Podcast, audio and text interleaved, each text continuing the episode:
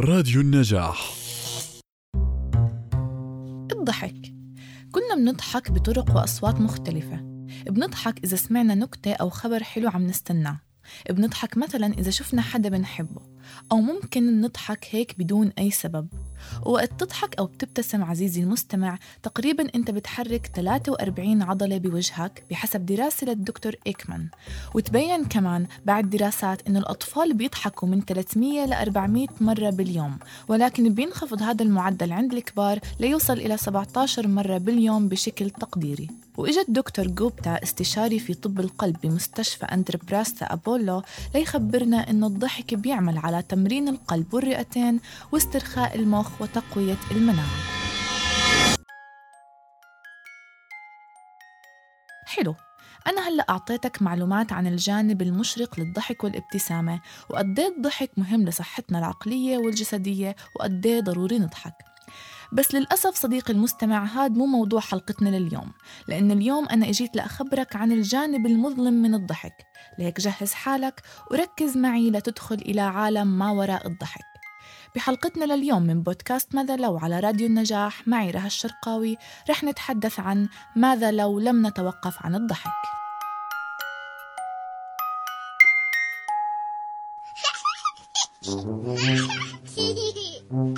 البشر ببلشوا بالضحك تقريبا بأول ثلاث أشهر من حياتهم حتى قبل ما يبلشوا الحكي.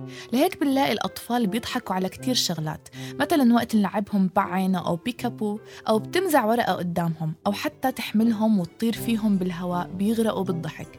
مع إنهم أساسا ما تعلموا كيف يضحكوا. لهيك بنقدر نحكي إنه الضحك غريزة موجودة مع وجود الإنسان وبتكبر معه. عالم الأعصاب الأمريكي روبرت بروفن بعد تجربة أجراها بين أنه من 10 إلى 20% من ضحكنا هو ضحك حقيقي نابع من القلب كأنك بتسمع نكتة كتير ضحكتك أو خبر مفرح لإلك خلاك تطير من السعادة طيب إذا 20% بس هو ضحك حقيقي ال 80% يلي ضلوا وين راحوا؟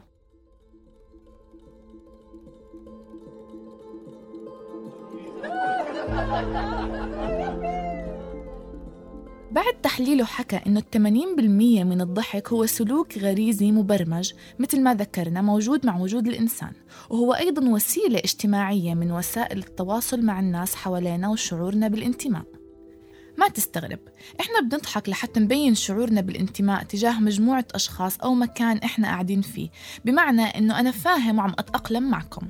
لهيك صديقنا روبرت أشار إلى أنه الشخص بيضحك 30 مرة أكثر في حال وجوده بصحبة أشخاص معينين مقارنة بأنه يكون لحاله. طيب ليه هالشي بيصير؟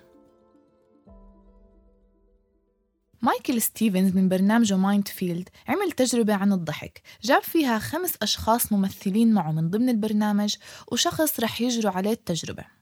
ألقى حدا من الأشخاص الممثلين نكتة كتير سخيفة وما بتضحك وأساسا غير منطقية ولكن كل يلي قاعدين صاروا يمثلوا إنهم بيضحكوا بشكل كبير ومن ضمنهم صديقنا يلي عم بيجربوا عليه. ورجعوا بعد وقت حكوا نفس النكتة مرة تانية بدون أي ردة فعل من حدا والشخص ما ضحك.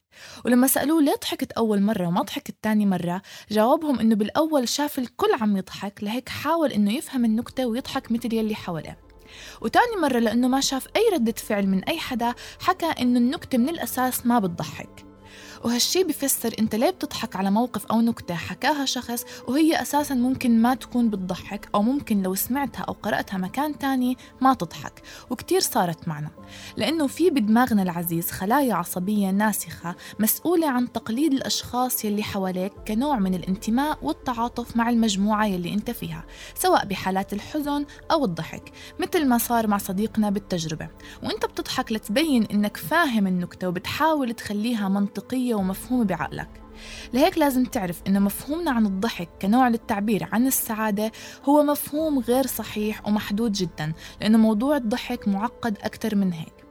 طيب السؤال هون هل الضحك معدي؟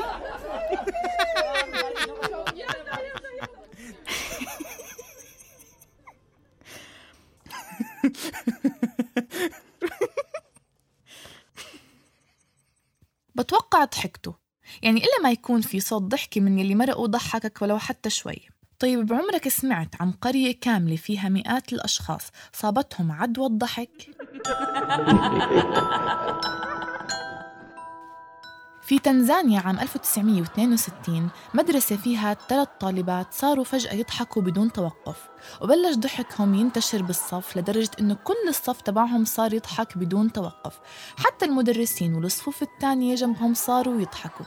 وانتشر الموضوع ليوصل لكل المدرسة. وبهاليوم قرروا إنهم يوقفوا الدوام وكل حدا يرجع لبيته. تاني يوم نفس الإشي تكرر. وثالث يوم ورابع يوم لحد اليوم الستاش. 16 لدرجة أنهم سكروا المدرسة. والضحك ما اقتصر بس على المدرسة ولكن انتشر بكل أنحاء القرية يلي ساكنين فيها. ونوبات الضحك أصابت مئات السكان وأقفلوا 14 مدرسة وصار الموضوع مرعب للجميع لدرجة أنهم أخذوا عينات من الدم تبعهم ليشوفوا إذا في مادة سامة دخلت لدمهم. ولكن ما لقوا أي إشي. وطبعا نوبات الضحك كانت تستمر لساعات أحيانا وبعدين توقف. ولكن بعد دقائق بترجع مثل أول. وأعلنوا أنه هاي المنطقة أصيبت بهستيريا هستيريا جماعية ما إلها علاج.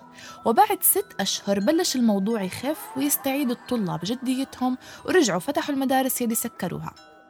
وهون بنقدر نجاوب على سؤالنا بأنه الضحك فعليا معدي بشكل لا إرادي.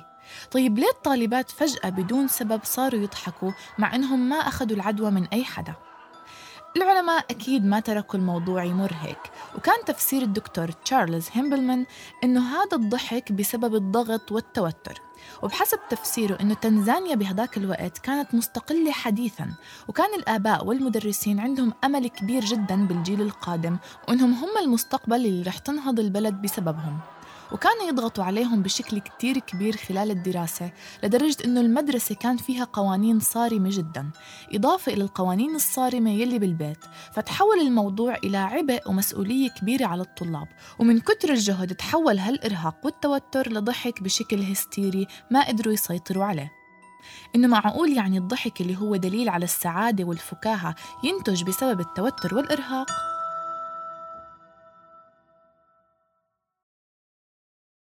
ما تستغرب أبدا صديقي المستمع. أكبر مثال نحن بتمر علينا ساعات بنضحك بالوقت الغلط بأماكن مش مفروض إنه نضحك فيها ولكن بشكل لا إرادي أي إشي صغير بضحكنا. مثلا إذا كنت بجنازة ممكن لا إراديا تضحك بدون سبب أو على أي موقف صغير رح يمر من جنبك. أو حتى يلي بيشتغلوا بمجال التصوير والمقابلات بتلاقيهم بنص التصوير بصيروا يضحكوا بدون سبب على أتفه الشغلات وفي بعض ناس بيضحكوا وقت يخافوا.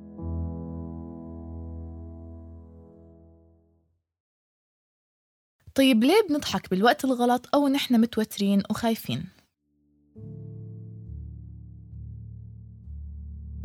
دكتور مارجي كير عالم اجتماع بجامعة باتسبرغ الأمريكية فسر سبب ضحكنا بأوقات التوتر والحزن والخوف بأنه وقت نمر بحالة نفسية من هالحالات جسمنا بيدخل بحالة صدمة عكس ما كان هو متوقع فبيحاول يهرب عقليا من هالمشاعر من خلال الضحك وبيكون آلية دفاع لحتى تخلينا نهدى.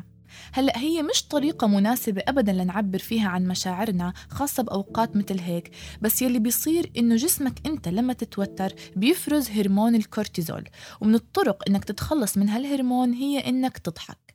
والموضوع أبدا لا إرادي يعني صعب شوي التحكم فيه. والحلو بالموضوع إنه دكتور مارجي بين الفرق بين الضحك الطبيعي والضحك الناتج عن توتر بفرق كتير بسيط. هو إنه الضحك الطبيعي اللي بنضحكه بأوقات سعادتنا بينشأ بالبطن أما الضحك اللي بيكون من توتر أو حالة نفسية بينشأ بمنطقة الحلق. وهالشي بنلاحظه كتير لدرجة إنه بنحس عضلات بطننا من كتر الضحك بتصير توجعنا. أما لما يكون ضحك ليعبر عن حالة نفسية معينة بتحس عضلات وجهك اللي تعبت خاصة وقت تضحك ضحكة المجاملة. ومن هون لازم نعرف إنه الضحك لا يعبر عن الصحة النفسية والجسدية وإنه ممكن يتفاقم ويتحول لشكل مرضي مثل مرض pseudobulbar affect هو عبارة عن مرض عصبي بينتج عنه نوبات ضحك أو بكاء وما بيقدر المريض يسيطر عليها بسبب خلل بالأعصاب بتأثر على المخ وبتخلي عنده صعوبة بالتحكم في المشاعر. بهالمرض عادي بتمارس حياتك بشكل كتير طبيعي ولكن أول ما تجيك نوبة الضحك بتصير عندك ردة فعل مبالغ فيها للأمور بطريقة كتير محرجة للشخص وممكن من خلال الأدوية والمهدئات تسيطر على النوبات. والدراسات بيّنت إنه 2 مليون شخص بأمريكا عندهم هذا المرض و7 مليون شخص بالعالم عندهم أعراض بتخليهم مرشحين للإصابة بهذا المرض. غير هذا المرض دليل تاني على أنه الضحك لا يعبر عن الحالة النفسية الجيدة بنلاقي أغلب الممثلين الكوميديين تعرضوا لحالات اكتئاب حاد وانتهت بانتحارهم.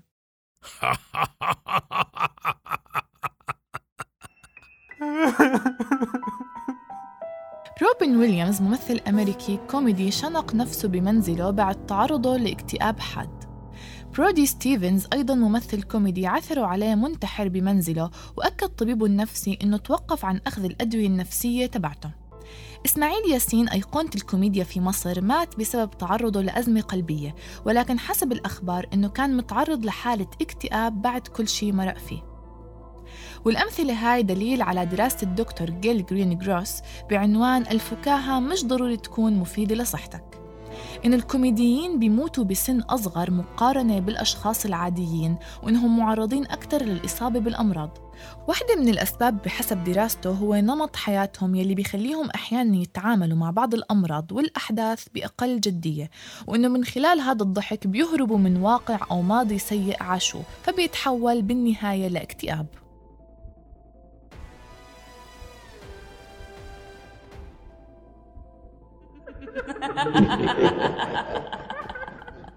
الموت من الضحك. كتير بنسمع هاي الكلمة من أي حدا بيضحك لمدة طويلة وبيحكي لك رح أموت من الضحك مش قادر. بس عندك علم إنه عن جد في ناس ماتت من كتر الضحك؟ سلسلة حوادث موجودة من زمن قديم لأشخاص حرفياً ماتوا من كتر الضحك. رح نبلشها بالملك مارتن الأكبر ملك الأرجون. كان عم بيتعشى مع حاشيته مبسوط وبيحكوا. واحد من الحضور ألقى نكتة خلته يضحك لساعات ومن كتر الضحك وقع ومات عام 1660 الكاتب وعالم الرياضيات الاسكتلندي توماس أوركهارت مات من الضحك بعد ما سمع أنه تشارلز الثاني تولى حكم إنجلترا. الموضوع بالنسبة له كان مضحك كتير لدرجة أنه ما قدر يوقف الضحك ومات. أليكس ميتشل مواطن بريطاني عام 1975 وهو عم بيحضر مسلسله المفضل فقد السيطرة على نفسه وضحك لمدة نصف ساعة وتوقف قلبه ومات. وبعد تشريح الجثة تبين إنه عنده عدم انتظام بضربات القلب بسبب إصابته بمتلازمة Long QT. وهاي المتلازمة أي إرهاق أو جهد بيتعرض له الشخص بتسبب توقف بالقلب والنتيجة إنه صديقنا أليكس ضحك لمدة نصف ساعة توقف قلبه.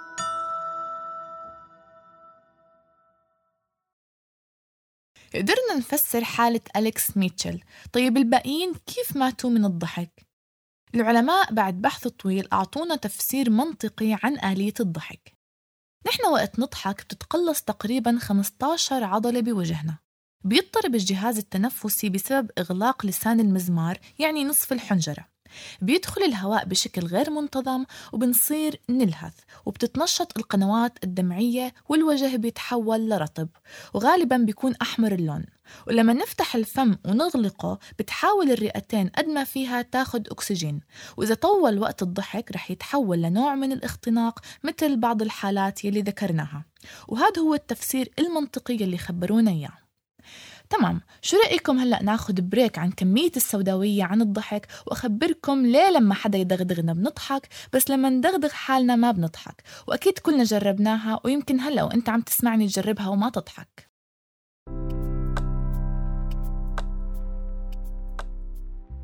ببساطة لما يجي حدا بتعرفه يدغدغك ويلمس منطقة معينة فيك النهايات العصبية لهالمنطقة عند اللمس بتبعث إشارات للمخ عند الغدة النخامية.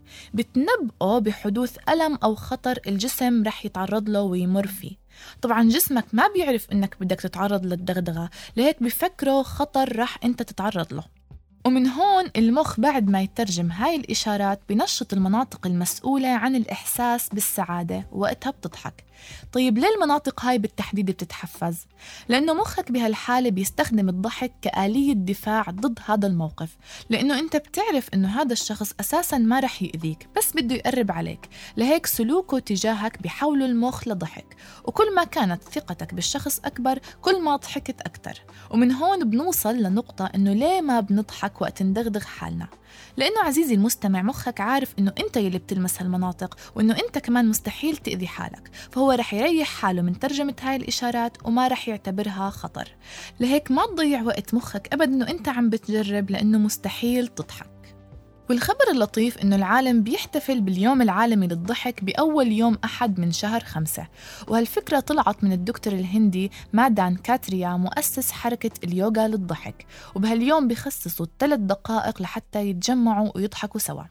يعني الضحك مش سيء لهالدرجة. بس اليوم أنا كان لازم أخبركم عن هالجوانب المخفية يلي أغلبنا ما بنعرفها لأنه كمان ضروري كتير نضحك بشكل معتدل أكيد. ولكن لحد هلأ ما جاوبنا عن سؤال حلقتنا. ماذا لو لم نتوقف عن الضحك؟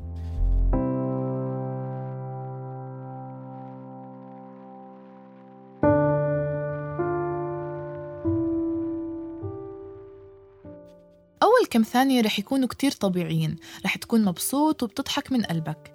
جسمك رح يفرز هرمون الأندروفين يلي بيساعدك على الاسترخاء وتنشيط الدورة الدموية. والحلو إنه من خلال الضحك جسمك رح ينتج مسكنات طبيعية ضد الألم وجهازك المناعي رح يكون مبسوط منك كتير. ولكن لما تبلش تحس بألم بالبطن هون اعرف إنك دخلت مرحلة الضحك الزائد عن حده ورح يصيبك صداع شديد وتشنج بالفك. نفسك رح يضيق ورح تحس بألم بالحلق. وبعد هالألم ما رح يكون الضحك ممتع أبدا. وفي حال وصلت ل 8 ساعات من الضحك المتواصل رح تنصاب بالأرق الشديد.